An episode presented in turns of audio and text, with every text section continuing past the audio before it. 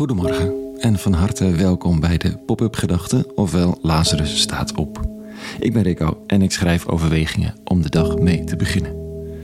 Vandaag met de titel Een feest van verandering. Pop-up Gedachten vrijdag 24 juni 2022.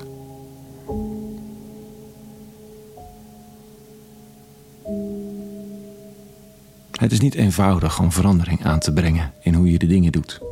Het vraagt altijd energie, soms te veel energie. En als het iemand anders is die zegt dat je de dingen anders moet doen, wordt het helemaal moeilijk. Dan komen er nog meer mechanismes op gang. Want wie is die ander dan wel helemaal? En mag ik dat niet even zelf uitzoeken? En heeft hij of zij überhaupt wel gelijk? Iets daarvan zie je in de heftige protesten van de boeren. Hun leven staat op het spel. Niet letterlijk misschien, maar zeker wel figuurlijk. En toch is het ook zonneklaar dat er iets moet veranderen. Sommige sprekers leggen de schuld bij de regering, weer anderen bij de wetenschap, weer anderen bij Brussel. Bij de andere burgers verzet met hand en tand en alle middelen lijken even, bijna alle middelen lijken even toegestaan. En hoe herkenbaar is dat? Kan ik echt niet meer kleren kopen bij die winkels omdat jij beweert dat de slavenhandel aan te pas komt? Kom zeg, hoe kun je het überhaupt zeker weten? En de verontwaardigde blik van een vriend als ik vis bestel, als met een groepje ergens eten. Ik vis is altijd mijn alternatief voor vlees. Ja, omdat ik dan uit klimaatoverwegingen niet langer deel wilde zijn van de vleesindustrie. Eh, dus op enkele uitzonderingen na geen vlees meer had. Maar blijkt de visindustrie net zo erg, zo niet nog veel erger.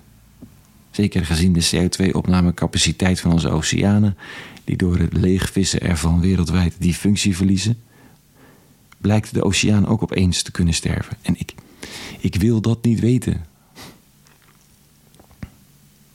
Er lijkt in de oude teksten alle begrip voor de weerzin. Het is alsof de Bijbelse teksten en Jezus van Nazareth voorop donders goed weten hoe moeilijk het is om op je schreden terug te keren. Niet omdat het niet waar zou zijn wat de ander zegt, maar omdat gewoontes zo diep zitten. Omdat de waarheid over jezelf en je keuzes onder ogen zien, al is het maar een stukje van de waarheid, zo onwijs lastig is.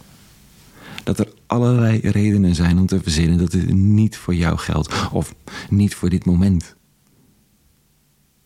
En als er dus, ondanks dat, iemand dan toch besluit om zich te bekeren, zoals dat Bijbels heet, dan is het feest hoor. Dit staat er vanochtend als conclusie van een van die vele vergelijkende verhalen die Jezus vertelt. Deel in mijn vreugde, want mijn schaap dat verloren was geraakt heb ik gevonden. Ik, ik zeg u, zo zal er in de hemel meer vreugde zijn over een zondaar die zich bekeert, dan over 99 rechtvaardigen die geen bekering nodig hebben. Die ene boer, die op basis van de stikstoffeiten en het goede voor het land kiest voor verandering. Welke dat dan ook is. Oh, en er zijn er tallozen die dat al lang deden, hè? Misschien niet de superboeren, de belangrijke aanjagers van de protesten, zo lijkt het, maar de vele biologische boeren, ecologische boerderijen, vrouwen en mannen met liefde voor de natuur en de dieren, die pijnlijke keuzes moesten maken vanwege natuur en welzijn van dier en mens.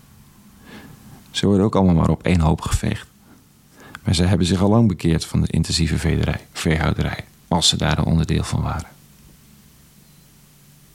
Maar goed, als ik dan toch zuchtend besluit om verandering aan te brengen in mijn leven, of ruzie bij te leggen, of, of simpelweg te erkennen voor God en mijn geliefde dat ik gefaald heb, of kleiner, sorry te zeggen tegen mijn kind en dat het me spijt.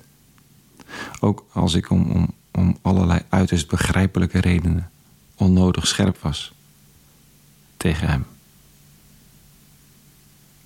Al die keuzes, die ombuigingen van je pad die verandering die energie vraagt. Energie die je niet zomaar voorradig hebt. Het zijn redenen van feest. Er worden kosmische slingers opgehangen. Er wordt onzichtbaar vuurwerk afgestoken. Er wordt heven en er wordt op je getoost. Want de hemel, die andere dimensie van onze werkelijkheid, onzichtbaar maar voelbaar, die weet wel hoe ingewikkeld verandering kan zijn. De hemel heeft geduld, gelukkig. En ze vraagt om de verandering ook van anderen te vieren. Net zo gul en royaal als zij dat doen. Ook al vind je die verandering bij de ander te weinig of te klein, te traag. Maar feest om die ene die iets ten goede keert. meer feest. Om die ene die iets ten goede keert aan al die anderen die het al lang op die manier deden. Verandering kost dus energie, maar het brengt ook energie. Feestelijke, kosmische energie ergens rondom ons. Niet zichtbaar, soms voelbaar en wel voorstelbaar. Tot zover vanochtend. Een hele goede vrijdag gewenst en een goed weekend. Maandag weer een nieuwe pop-up gedachte en voor nu vrede gewenst. En alle goeds.